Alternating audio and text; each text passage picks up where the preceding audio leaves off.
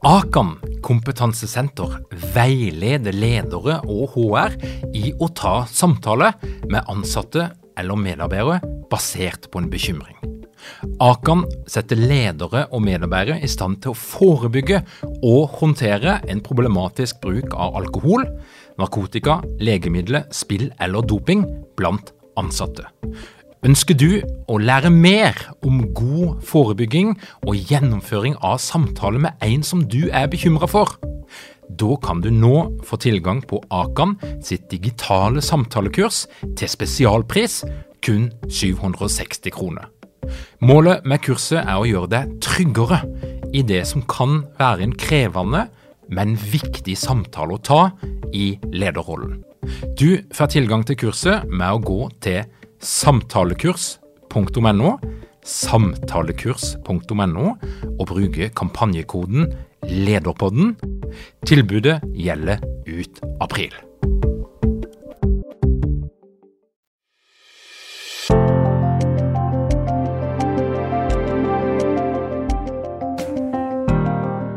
Har du noen gang blitt invitert til teambuilding på jobben? Og blitt utrolig skuffa når du skjønner at det eneste det handla om, det var å kjøre gokart, spise pizza og drikke øl. Velkommen til Lederpodden. Mitt navn er Tor Åge Eikerapen. Jeg jobber som organisasjonspsykolog, og dette her er en podkast om ledelse. Før vi hiver oss inn i dagens episode, så skal du få en liten update. Lederprogrammet 2020 er tolv ukers digitalt lederprogram. Det mest koronavennlige lederprogrammet som du finner her til lands. Du får møtt åtte eksperter innen psykologi og ledelse. Det er live workshops, det er læringsgrupper der du får møtt andre folk som jobber med ledelse og HR, og vi legger det hele til rette sånn at du skal få en læringsopplevelse som er noe helt nytt, og der du får det beste utgangspunktet for å skape endring i din organisasjon og i ditt liv. Det er akkurat nå syv ledige plasser på Ambisiøspakka, som blant annet inneholder personlighetstest og individuell tilbakelesningssamtale. Det er elleve ledige plasser på Motivert-pakka, og hvis du har lyst til å bli med på dette her programmet, så bør du komme deg inn på lederprogrammet.no nå. Teambuilding. Teamutvikling. Det er en av klassikerne innenfor organisasjonspsykologien, og det er et utall av konsulenter som opp igjennom har sagt at de kan bidra til at ditt team skal bli et velfungerende og effektivt team. Men forskningsgrunnlaget som de har basert eh, ja, sine metoder på, har vært av en litt varierende karakter. Og min påstand det er jo at i norsk arbeidsliv i dag så bruker vi teambegrepet i hytt og pine. Vi kaller ting veldig lett for et team, og eh, det kan for så vidt være greit nok, men hvis vi skal gå og kikke på litteraturen, i forskninga, og er det egentlig som kjennetegner og definerer et team, så er det et fåtall av de grupperingene som vi i dagligtalen kaller for et team, som egentlig er et team. Og så kan vi gå til Bang og Middelfart og kikke, og de snakker da om effektive team. Det er jo noe som er vanlig, og et begrep som er vanlig å bruke i amerikansk litteratur. Og et effektivt team, det er altså rett og slett bare et team som når de målene de har satt seg, og som skaper en eller annen merverdi gjennom å jobbe sammen fremfor å jobbe hver for seg. Patrick Lencioni han skal du bli litt bedre kjent med om litt. Han bruker termen funksjonelle og dysfunksjonelle team. Det som iallfall er helt sikkert, det er at det på sitt beste så representerer team som arbeidsform en mulighet til å oppnå noen gevinster og til å skape noe som du ellers ikke hadde klart å skape. Og Steve Jobs en, en, en, mann som mange har hørt om, og, og, de fleste har en eller annen form for relasjon til produktene som en tenker at det kom ifra han. Han har jo vært veldig opptatt av at det er jo ikke individet som skaper de her produktene, det er heller ikke han som skaper de her produktene, men det er et team som gjør det sammen gjennom sin kollektive intelligens gjennom den krafta som kan genereres når smarte mennesker tenker sammen, utfordrer hverandre, har diskusjoner og prøver å finne fram til den beste løsninga. Men hva er det da som skiller et team ifra ei hvilken som helst gruppe av mennesker? For det første så er det sånn at for at du skal kunne kalle noe for et team, så må det ha et felles definert mål som alle jobber sammen mot. Det kan selvfølgelig være et overordnet mål, men jo mer spesifikt og tydelig og konkret det målet blir, jo mer gjør det teamet til et team. Og det forutsetter jo selvfølgelig da at dette her teamet det har en delt opplevelse, en felles opplevelse og forståelse av hva er dette her målet som vi sammen skal nå. Et annet kjennetegn eller et kriterium for å kunne kalle en gruppe mennesker for et team, det er at de har en gjensidig avhengighet av hverandre. Det betyr at hvis en av teammedlemmene faller ut, så vil det gå utover noen av de andre. Det vil skape et problem. Du kan se for deg noen som skal klatre opp et eller annet høyt fjell, og der eh, den ene skal dra den andre opp. Altså det er en gjensidig avhengighet for å få dette her til, og det er en sånn type reise som, som en tenker da at et team i ordets rette forstand skal, skal være. Eh, altså at alle som er på teamet, er avhengig av de andre for å nå det målet som en har satt seg. Så er det òg en del forskning som er veldig opptatt av størrelsen på teamet. Så og det er ikke sånn at du kan kalle en hvilken som helst arbeidsplass med x antall ansatte som har et felles mål, og som har en eller annen grad av gjensidig avhengighet, for et team. Eh, det er òg noe med størrelse der, for at hvis det blir for stort, så, vil det, den gjensidige avhengigheten kanskje eh, bli noe utvanna. Og um, Jeff Buzos i Amazon, han er en kar som, som ja, representerer en bedrift som, som har eksperimentert mye med team og hvordan de skal organisere seg for å kunne jobbe best mulig og få det beste ut av hver enkelt, og være så innovative og adaptive og agile som det de ønsker å være. Eh, og det han sier, det er et prinsipp, det er at eh, et team skal bare være så stort at du kan mette de med to pizzaer. Så hvis du må ha mer enn to pizzaer for å mette de, den kommer selvfølgelig litt an på størrelsen her, så, så, er sannsynligvis teamet for stort. Og det handler om at hvis du skal få denne teamdynamikken som en søker, så vil det bli mer krevende jo større teamet blir. Og det magiske tallet som ofte refereres til, og det er jo ikke en fasit, det er sikkert fullt av eksempler på et team som er større enn det òg, men, men det magiske tallet som ofte blir referert til, er syv. Og når du da passerer syv, så blir det vanskeligere å få ut de her gevinstene som en tenker kan få gjennom å organisere seg i et team.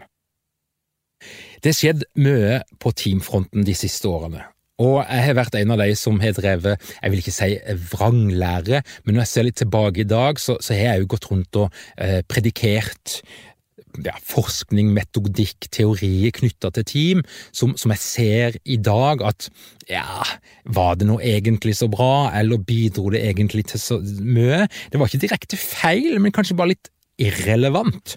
Og eh, en sånn teori som, som, har vært i verktøykassa til de fleste som har snakka om, om, team og teamutvikling og teameffektivitet, det har vært eh, Tuckman sin, sin, teori om teamets fase.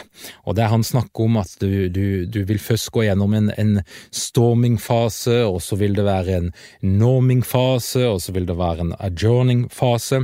Altså at et team vil gå gjennom noen bestemte prosesser og, og samhandlingsmessige faser før de kommer til et nivå der de kan prestere eh, på et, en, en, optimal måte. Og det, er, eh, det kan sikkert òg stemme, altså at det er noe i, i de her fasene, og at det er et godt belegg for det. Eh, men hvis du er en leder eller en, et teammedlem som ønsker å organisere et team best mulig, så, så vet jeg ikke hvor mye du kan bruke det til. Altså Du kan selvfølgelig observere at nå er vi i den fasen, eh, og nå har vi beveget oss videre til den fasen, og nå kommer vi snart til den virkelig optimale fasen. Og det kan være interessant nok som en sånn refleksjonsøvelse, men, men hvis du vil ha et konkret verktøy for å utforme for å kultivere et team til å fungere mest mulig optimalt sammen, så mener jeg at den type teorier eh, ikke gir det så veldig mye matnyttig. Og eh, andre ting som det blir snakka om, altså der en er brukt eh, Hvis du gått på et kurs da innenfor teamutvikling, så vil du få servert ganske mange klassiske psykologiske eksperimenter, som, som Ash med sin konformitets eksperimentet, eh, Milgram, eh, lydighetseksperimentet, som er interessant i, i, ja, i mange sammenhenger, men, men, som kanskje ikke tilfører så mye metode og verktøy til deg som ønsker å jobbe med et, et team som skal være høypresterende og som skal være effektivt, og der du er på jakt etter metode for å få det til. Andre, andre begreper, altså social loafing, det er jo et, et psykologisk fenomen som jeg vet at mange har, har snakka mye om når de har jobba med team, men alt dette her, jeg tenker det er litt eh, old school. Eh, det gir ikke så mye effekt, og det er litt lite anvendelig, og jeg tenker at det er liksom litt sånn førstegenerasjons teamutvikling vi da snakker om, som ofte har hatt litt røtter i både militæret og i idretten. Hvis vi skal bevege oss litt inn i mer eh, moderne tenkning rundt team, hva vet vi for noe i dag? Så er det, det har vært et skifte, for en har jo tradisjonelt vært opptatt av de her fasene til Tuckman. En har jo vært opptatt av sammensetninga av teamet. Og det har vært eh, tester, det finnes fremdeles tester som skal da prøve å finne noen eh, type, erketype, eh, noen roller som, som en da tenker at det skal komplementere hverandre i et team. Og mange har vært opptatt av åssen type er det vi må ha med i teamet for at det skal bli best mulig. Og noen har snakket om at vi må ha en positiv type som alltid sier ja og alltid er der, og så må vi ha en sånn eh, initiativtaker som alltid er på, eh, og så må vi alltid ha en skeptiker med i teamet som alltid sier nei, og som protesterer, og som sier at nei, men dette her har vi prøvd før, og da funker det heller ikke, det er ikke noe vits. Og, og du må altså ha en sammensetning av ulike typer.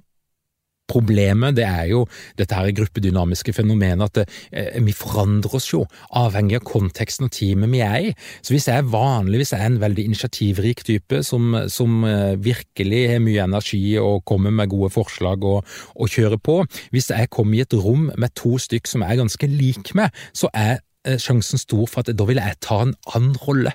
Da vil jeg trekke meg kanskje litt mer tilbake og ta en annen posisjon. Og det det handler om, det er at de her personlige egenskapene de er ikke statiske, de forandrer seg i forhold til hvilken sosial sammenheng du er, og hvilke andre teammedlemmer du er omgitt av. Så Derfor så har det ganske lite for seg å ta den type tester der du blir putta i de kategoriene, for du vil forandre deg avhengig av hvem som er i teamet.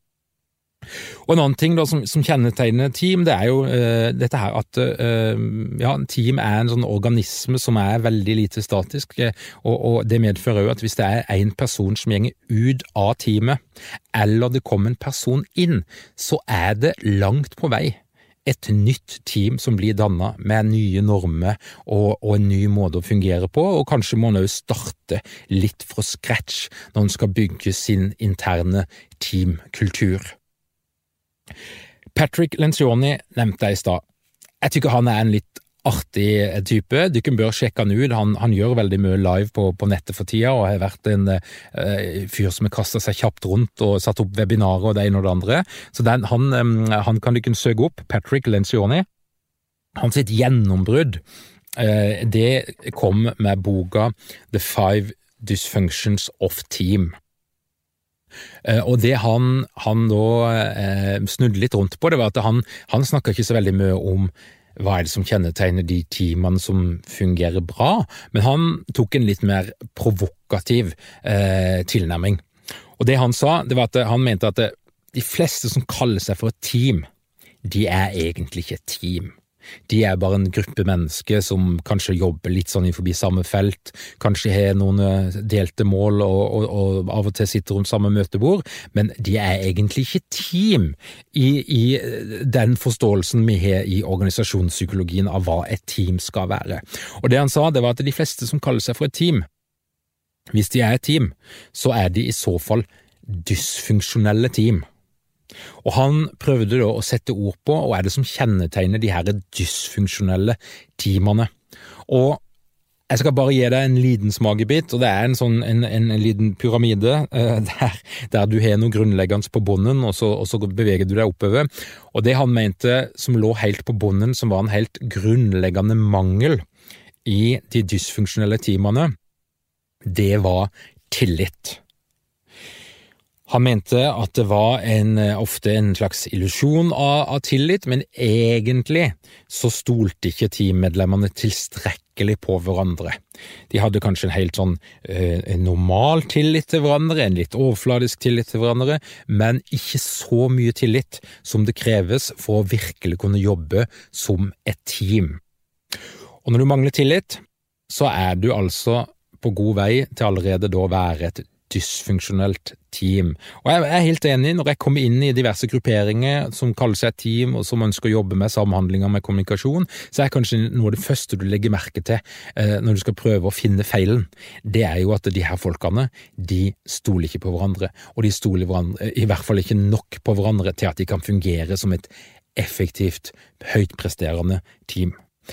Patrick Lencioni sier videre at hvis tilliten ikke er der, så er det ganske naturlig at du òg vil lide under mangel nummer to. Og mangel nummer to, det er altså konfliktskyhet. Og det henger jo litt sammen, da, for det som skjer hvis ikke du stoler på hverandre, hvis ikke du har tilstrekkelig grad av tillit, så vil du ganske automatisk bli konfliktsky, fordi du, du, du, er redd for konsekvensene av å ta opp ubehagelige ting, du er redd for konsekvensene av å ha litt røffe diskusjoner på et saksnivå.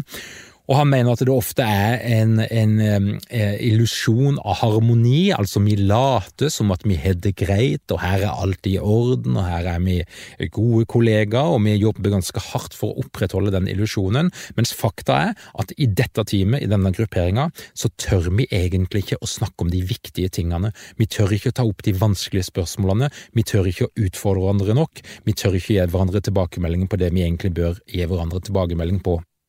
Og da begynner det å bli vanskelig. Han er opptatt av flere ting, Patrick Lencioni, og en ting som er, iallfall er sånn, jeg tenker det er en sånn godt formulert eh, faktor, det, det, er ansvarliggjøring. Han mener at det, i funksjonelle, høypresterende team, så er det sånn at det, hvis teamet har blitt enige om at vi skal gjøre ting på den og den måten, eh, det er sånn vi skal oppføre oss mot hverandre, det er sånn vi skal arbeide. Hvis vi er blitt enige om det, så skal det være sånn at hvis en av teammedlemmene da gjør ting på en litt annen måte, eller bryter de normene som er etablert, så korrigerer teammedlemmene hverandre.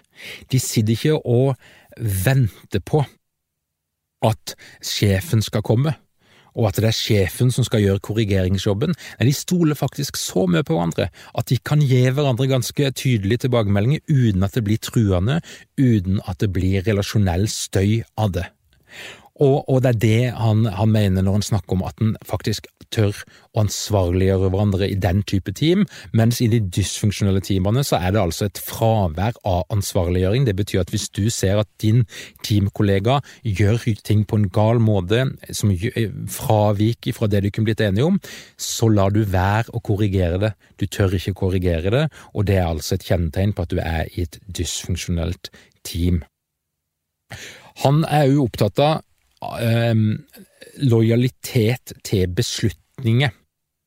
Altså at når vi tar beslutninger i et team eller i en organisasjon, så vil det jo som regel være sånn at alle ikke er emosjonelt enig i beslutninga. Det er vel nesten umulig. Men i et team, da, et velfungerende team, så er det sånn at der klarer teammedlemmene å sette sine egne interesser lenger ned på prioriteringa, og, å sette teamets interesse høyest. Og Det betyr òg at de da klarer å forholde seg lojalt på en autentisk måte til beslutninger som ikke de er emosjonelt enig i, men de klarer allikevel å, å, å bli med og slutte opp om det som da er en felles beslutning. Og Det er altså en fin motsats til det vi i Norge kaller for omkampkultur, som er et, eh, et sykdomstegn som, som, er ganske utbredt, der det tas beslutninger, men, men, men, det er en omkamp som kommer i etterkant, i korridoren, det snakkes, det hviskes, nei, jeg var egentlig aldri enig i det, og noen omkamper kan jo foregå i årevis uten at folk greier å, å, å ha denne formen for lojalitet som gjør at du klarer å sette dine egne følelser og behov til side, og akseptere at det her er du en del av en større sammenheng, og da er en del av pakka at du må akseptere beslutninger som du sjøl ikke er emosjonelt enig i. Det siste som Patrick Lencioni mener at kjennetegner de her dysfunksjonelle teamene, det er at de i liten grad er bevisst eller har et felles bilde av målet for det de holder på å jobbe med. Og du kan jo tenke deg i din egen organisasjon, hvis du en liten runde, og så intervjuer du folk, og så spør du hva er egentlig målet for det vi jobber med her, hva er det egentlig vi holder på med? Jeg tipper at du vil få vidt forskjellige svar, og det er det typiske da i dysfunksjonelle team, det er at eh, folk har totalt ulike bilder av hva er det egentlig som er målet. Og eh, mange er veldig flinke på å innføre det jeg vil kalle et KPI-helvete. Det vil si at det er så mange måleparametere at det er umulig for den menneskelige hjernen å huske det eller ha et, et ekte og levende forhold til det. Eh, det ser bra ut på rapporter og på grafer og sånn, men det fungerer ikke som en daglig målestokk på den jobben du gjør. Så KPI-helvete det er ikke det samme som å ha en, en felles bevissthet knytta til til mål. Men altså i de funksjonelle, effektive, høypresterende teamene, så, sånn som eh, Lencioni beskriver det, så henger målet tydelig og klart rundt forbi i lokalet. Du kan se det rent visuelt. Det er helt tydelig henne vi er på vei henne, henne vi skal henne. Så det er ei tilnærming til, til team som jeg tykker er litt provokativ, Har dere mange ledere uten trening eller utdannelse innen ledelse? Mangler dere en felles kultur og praksis for ledelse? Ønsker dere å være bedre rustet for fremtidig vekst og endring? Da kan et internt lederutviklingsprogram være en god investering. I Execu er vi eksperter på å designe og gjennomføre bedriftsinterne lederutviklingsprogram. Hvis du ønsker å lære mer om hvordan vi kan hjelpe dykken til å få enda bedre ledere, ta og klikk deg inn på execu.no.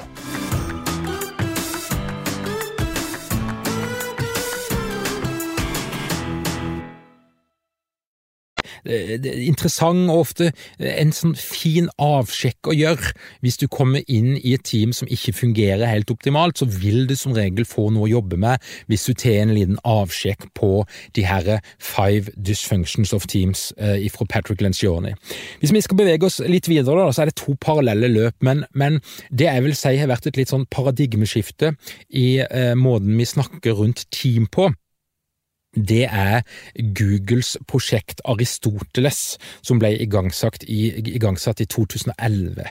Eh, det arbeidet der, parallelt med Amy Edmundsen, som, som da har holdt på med sine ting fra et godt stykke tilbake på, på 90-tallet, men der de her to linjene møttes. Eh, men, men til sammen så har dette her skapt en, en ny måte å tenke på rundt team, og de har òg bidratt med noen mer praktiske, anvendelige verktøy for å jobbe med team, eh, som er utrolig mye bedre og mye mer effektivt enn alt det vi har hatt fra før, etter, etter min mening.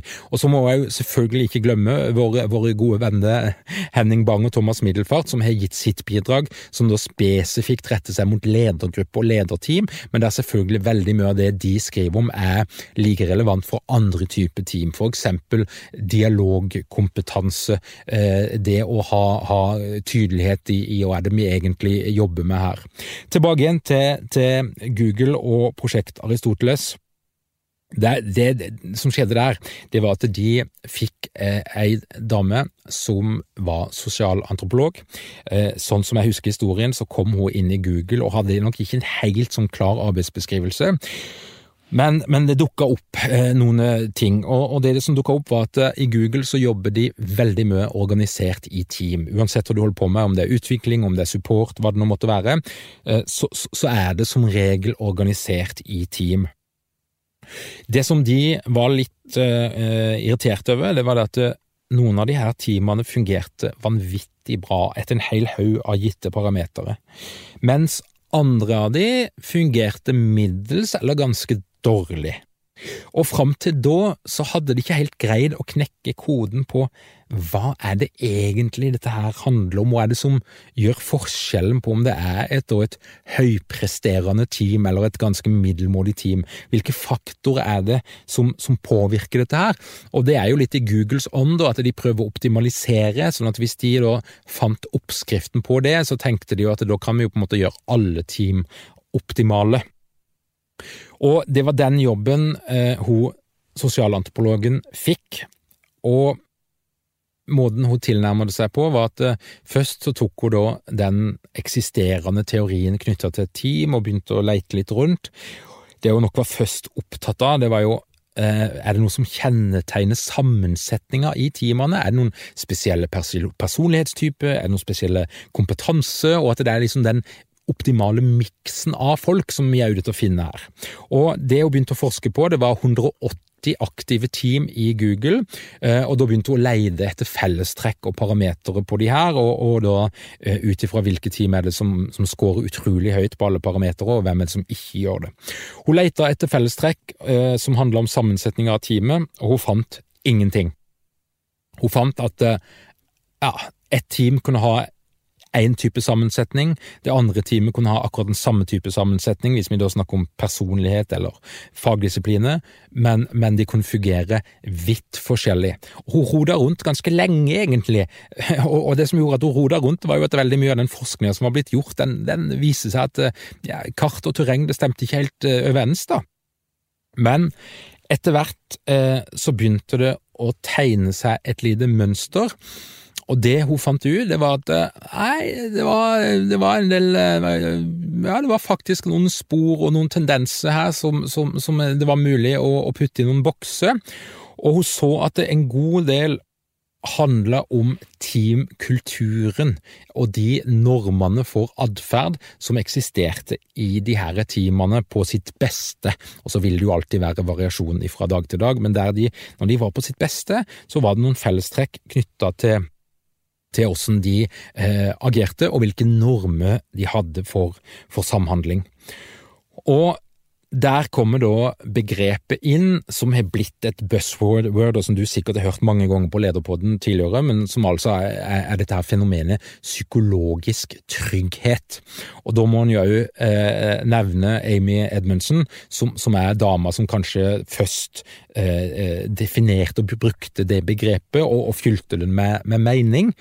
Og og det høres jo veldig sånn selvfølgelig ut når vi snakker om, om det, men, men, men uh, hvis jeg skal gå litt inn i det, så, så vil jeg gi deg et lite eksempel fra eget liv. Og i 2016 så ble uh, den ene sønnen vår født, og han ble født ekstremt prematurt. Uh, veldig tidlig, i uke 23. Og alt gjenger veldig bra i dag, så dette her er ikke en trist historie, men, men eh, det medførte at eh, han og, og vi som familie måtte være fem måneder på sykehus, eh, og i den perioden så hadde han pustestøtte, respirator de tre første månedene.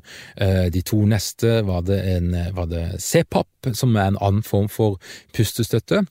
Og når du da lever i et sånt miljø, eh, som foreldre og som familie, så, så er du altså i, i, på, på nyfødt intensivavdeling, du, du, er tett på andre familier, du er tett på de ansatte som jobber der, og det er altså bare et, en, en, en, det kan være seks til åtte familier i samme rom, som alle liksom er sentrert rundt sin kuvøse, og du, og du, du er jo først og fremst, og, og jeg var først og fremst en veldig bekymra forelder, for du lever i en situasjon der det er stor uvisshet om, om, om, dette her kommer til å gå bra eller ikke.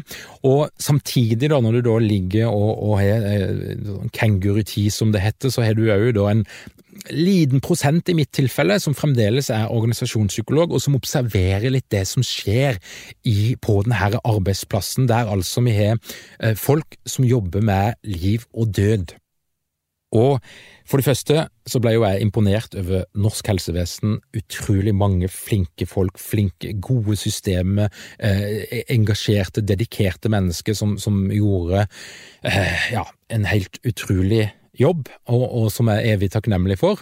Og så er det jo òg eh, noen sånne små hendelser som en observerer, som, som, gir mening når vi snakker om team. Og Amy Edmundsen er jo faktisk i sin forskning inne på nyfødt intensivavdelinger og observerer og, og baserer en god del av sin, eh, sin, teori på nettopp det hun har sett på sykehus. For det er en, en veldig ekstrem form for teamarbeid.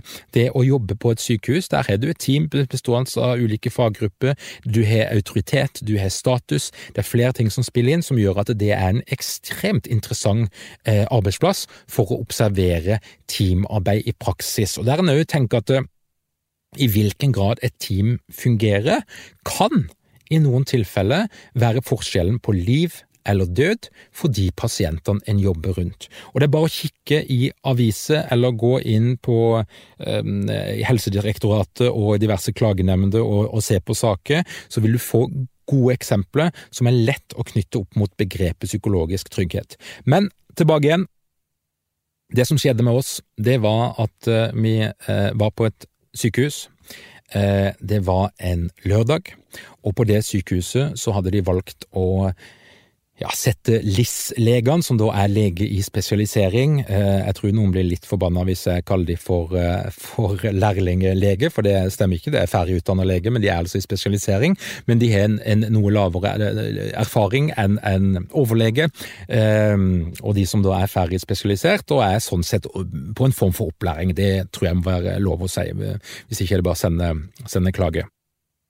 Det som skjedde, var at det var altså en relativt ung eh, LIS-lege eh, med begrensa erfaring på den pustehjelpsmaskinen som vi brukte på det tidspunktet, eh, og, det, det, og var nok òg kanskje mindre erfaren med den type syke barn. Og, og det var relativt lett iallfall å se at her, her, her, var det ikke en, en, en person med mye erfaring. Og det som skjedde, var at det ble en kritisk situasjon der metninga falt, pulsen falt, eh, og, og vi var selvfølgelig livredde, og, og, det ble ganske kritisk.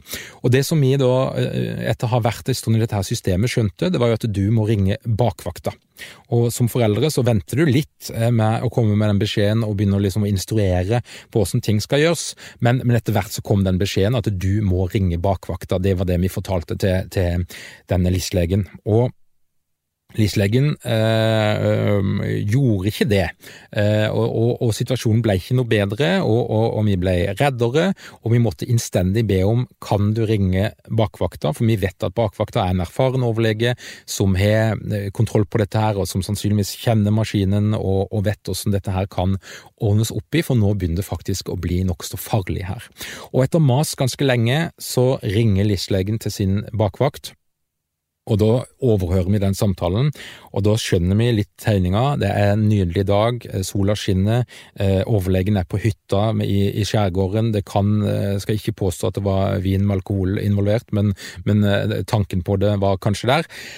Og eh, vi hører at den samtalen er litt annerledes enn det vi hadde sett for oss, for det er altså en ganske ydmyk listlege som ringer og sier at ja, nei, det har vært veldig fint hvis du kom, men, men, det kommer sikkert til å gå bra, og du kan jo gi meg noen instruksjoner, og eh, altså en måte å snakke på som ikke helt representerte den frykten og den alvorligheten som var i situasjonen. Og det gikk, tror jeg, seks timer før overlegen kom på stedet og, og greide å stabilisere situasjonen, men det kunne fort gått mye verre. Poenget med denne historien det er at eh, det er et eksempel på en mangel på psykologisk trygghet. Og Det handler rett og slett om at eh, det er høy, en høy grad av krav til prestasjon. Det handler om liv og død, men det er altså noe i den relasjonen, i det teamet som de to på det tidspunktet utgjør, som gjør at de, de eh, En tør rett og slett ikke å be om hjelp. Eh, LIS-legen tør ikke å vise at dette her kan jeg ikke, her har jeg ikke kontroll, dette her har jeg ikke kompetanse på, dette her er jeg ikke flink på. Det er altså en form for frykt for å bli nedvurdert, eller for å bli latterliggjort, eller for å virke inkompetent. Et eller annet. Og jeg tenker at det er der eh, vi finner denne mekanismen og betydninga av psykologisk trygghet. Og psykologisk trygghet, det som kjennetegner psykologisk trygghet, eh, og, og da må jeg jo si at det er ikke noe konstant, det er noe som er i bevegelse, men når du har psykologisk trygghet i et team, så tør folk å spørre kritiske spørsmål. De tør å spørre om hjelp, de tør å utfordre ideer, de tør å ha meningsfulle og viktige diskusjoner om hva som er den beste måten å gjøre det på, og de tør å trosse status og ansiennitet. Og den beste måten å, å teste ut psykologisk trygghet på, det er jo ok, i dette her teamet, og kritiske tør vi å være til lederen vår? Og, og, kritisk tør du å være, og i hvilken grad tør du å utfordre lederens forslag, lederens idé? Og Da snakker jeg om i en sånn teamsammenheng, ikke at vi skal henge ut lederen, men, men i dette her tilfellet, i hvilken grad tør LIS-legen å utfordre overlegen? I hvilken grad tør LIS-legen å, å, å, å be om hjelp og gjøre seg sårbar, eller andre veien igjen?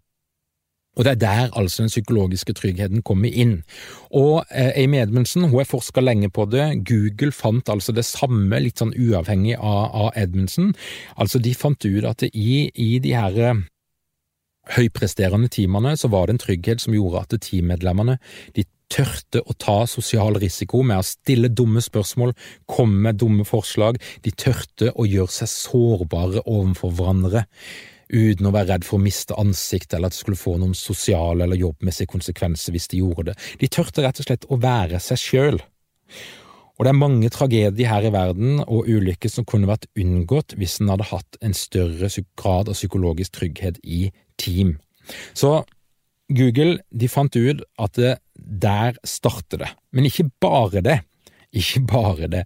De fant òg at det handler noe om struktur, altså at eh, teammedlemmene har tydelige rollebeskrivelser, tydelig rolleforståelse, og at det er en, en, struktur rundt teamet, sånn at folk vet hva som er de sitt bidrag, og hvem, hva som er de andre sitt bidrag. Og at det var tydelige planer, tydelige mål og alt dette her strukturelle som da òg må være på plass. Det er ikke bare psykologi.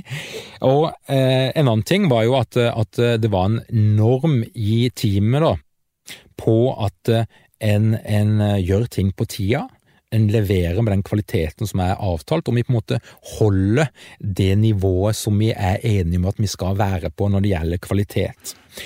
Et annet, eh, en annen faktor som de fant, det var at eh, hos teammedlemmene i de høypresterende teamene så var arbeidet viktig for, for, medlemmene. Altså Det betydde noe for dem. De hadde en stor grad av det jeg vil kalle for indre motivasjon. De er sikkert opptatt av penger, opsjoner og aksjer og uh, alt som måtte være intensive, men, men, men eh, arbeidet ga, var meningsfylt for dem på en eller annen måte. Det kjennetegna teammedlemmene i de høypresterende teamene. Og Eh, et femte element som kjennetegner de her teamene, det var at teammedlemmene tenkte at den jobben som jeg gjør, den er viktig. Den betyr noe i en større sammenheng, det kan òg kobles opp mot indre motivasjon, men altså, jeg er en del av noe som er større enn meg sjøl, og jeg klarer òg å se påvirkninga, impacten, som min måte å jobbe på har for det resultatet som kommer ut i den andre enden.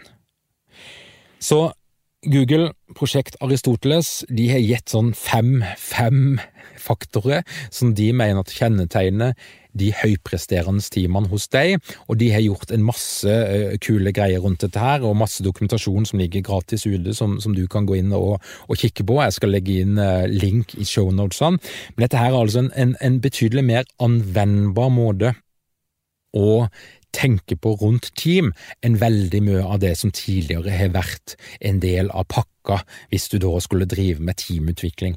Og For å gå tilbake igjen da, til, til teamutviklingsbegrepet. I oljebransjen eh, vet jeg i hvert fall at det begrepet har vært brukt veldig mye, det gjør sikkert det fremdeles. og det en da legger det det er å møtes og gjøre en morsom aktivitet, rappellere, klatre, kjøre gokart, et eller annet med litt action, og så spiser du etterpå, og så drikker du øl. Og så tenker en altså nå skal vi ha blitt et mye bedre team. Og da må jeg bare si at det er koselig, det er hyggelig, og det er selvfølgelig det kan bygge noen sosiale bånd og være et lite bidrag, men det er ikke teambuilding. Når du jobber med teambuilding, så, så skal du jobbe med prosesser. Du skal, vi må, vi må, vi må eh, få fram ting hos hverandre, det må fasiliteres, og, og vi må faktisk jobbe med de litt mer viktige spørsmålene som du nå har fått et litt sånn innsikt i.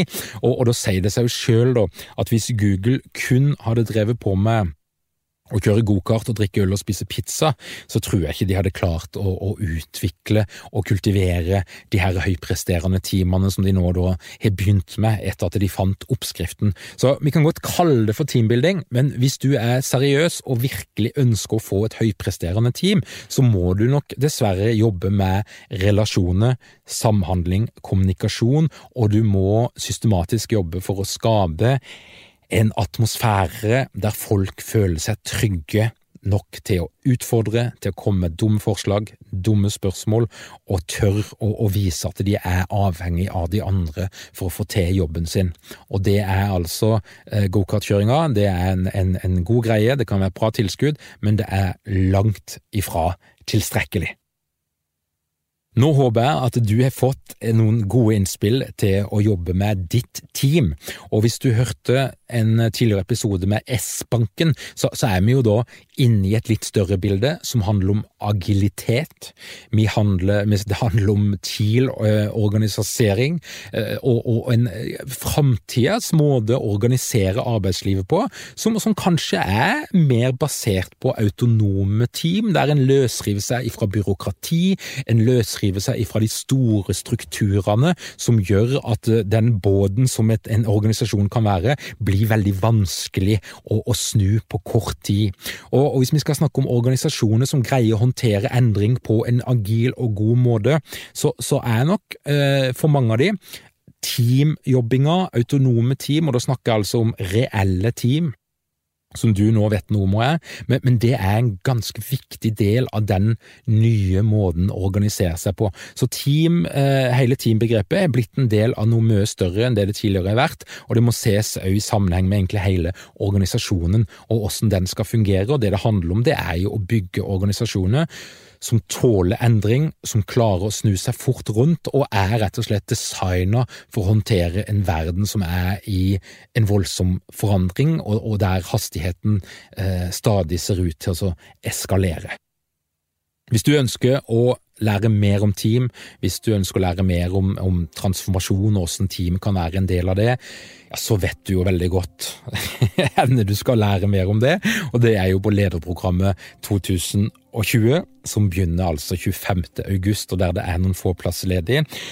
Og Der tester vi ut alt dette her, og du får møtt noen eh, eksperter som har stått i det, og som har vært i svære organisasjoner der en har prøvd å, å innføre noe av, av, denne måten å tenke på. og Du får annet møte Henning Bang og Thomas Middelfart, som jeg nå har referert til et par ganger. Så lederprogrammet.no, det er stedet du skal gå hvis du ønsker å grave dypere inn i denne kunnskapen, og kanskje lære deg noen ferdigheter som du kan eksperimentere med i din egen organisasjon. Tusen takk for at du hører på Lederpodden.